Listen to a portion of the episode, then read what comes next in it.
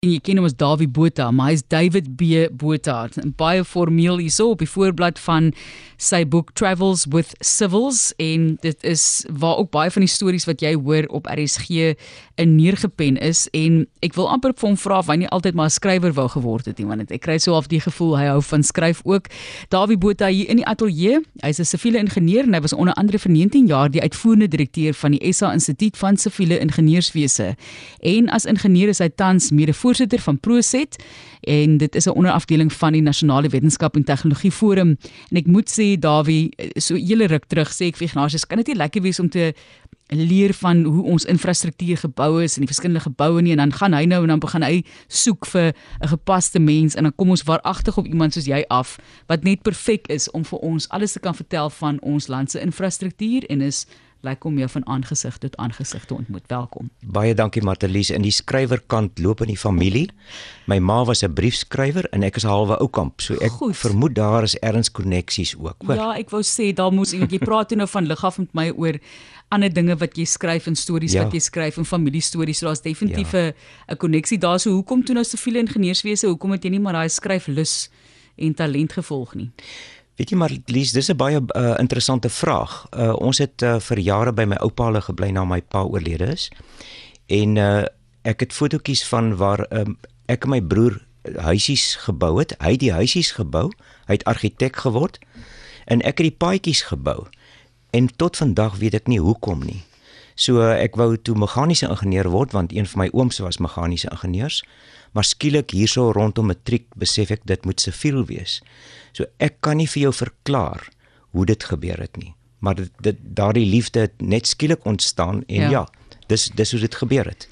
Ek kyk nou byvoorbeeld na die inhoud ook van hierdie boek en met hoeveel detail dit saamgestel is en baie tegnies ook. Byvoorbeeld nou, ek ken ek is nou hier by nommer 35, die Rietvlei dam en meer oor hierdie dam, die koördinate GPS koördinate wat ook selfs hier ingevul word sodat 'n persoon kan gaan en sê as ek in hierdie streek is, wil ek soontoe gaan en en die koördinate word sommer ook vir jou verskaf.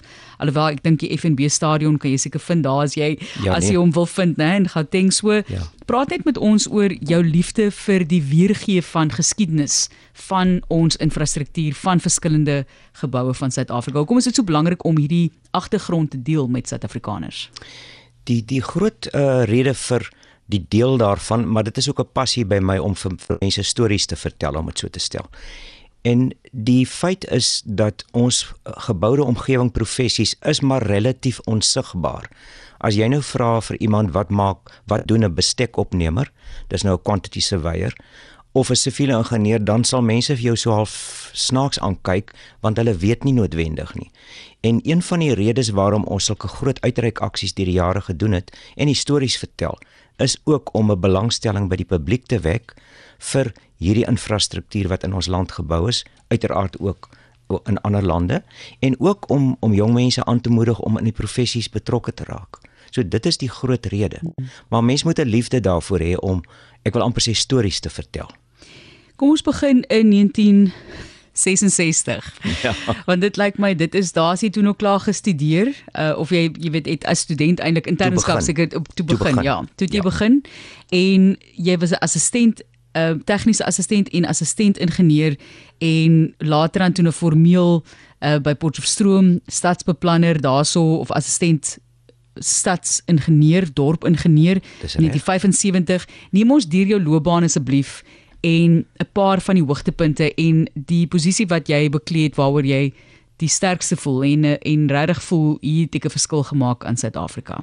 Ja, die uh ek het 'n bietjie gesukkel met een vak op op universiteit en dis hoekom ek eers 'n tegniese assistent was. Ek kan nie glo dat jy met een vakke gesukkel het daai. Struktuurleer het my gepootjie vir 3 jaar lank. Sê weer? Struktuurleer. Struktuurleer. Het wat, my gepootjie. Wat is dit? Uh dit gaan oor oor uh, kom ons sê die bewapeningstaal en hoe jy geboue moet staan maak staan om dit so te stel onder andere of 'n brug ensovoorts maar daardie vak het eenvoudig net nie vir my gewerk nie. En met die gevolg is toe ek het 'n beurs gehad en uiteindelik toe het die uh, spoorweë gesê goed maar ons sal jou nou as 'n tegniese assistent aanstel. En dan het ek nou saans universiteit toe gery om hierdie een enkele vak te probeer deurkom. Daarna het ek toe die die die assistent stadsingenieur pos op op Potchefstroom was uh omdat ek my salaris kon verdubbel van 4800 na 8000 rande 'n jaar, hoor, 'n jaar. Daardie tyd in Sjoe. ons is toe getroud gewees en in reeds 3 kinders gehad.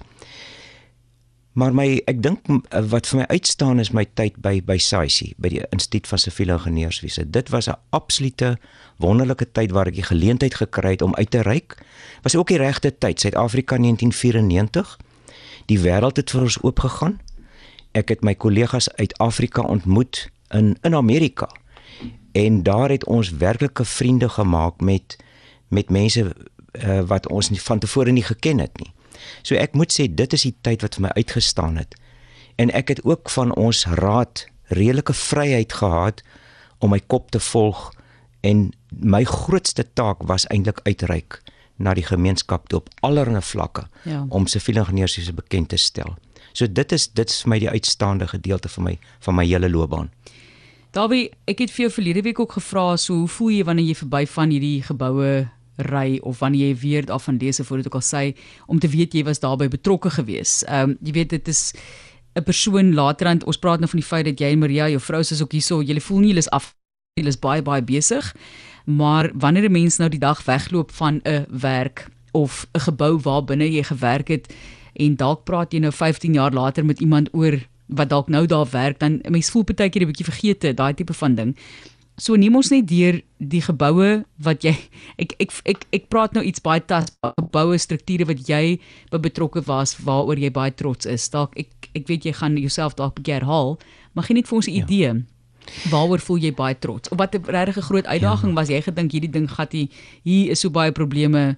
Dalk moet hy nie gebou word nie, maar ja daar staan hy. Ek dink uh, die meeste projekte wat wat mense aanpak is nie asof jy 'n resep het om om brood te bak of wat ook al nie. Die siviele ingenieurswese is elke liewe projek het sy eie uitdagings. Die omgewing is anders, die materiale is anders, die doel van die van die spesifieke projek is uiteraard anders. So dit is daar's nooit 'n vervelige oomblik in in in ons professie nie, maar soos ek jou verlede week of wanneer gesê het toe ons nou daardeur Potchefstroom ry 'n week of wat gelede en ek sien daar staan die werkswinkel nog wat ek wat ek gebou het of wat ek nou ontwerp het en laat bou het.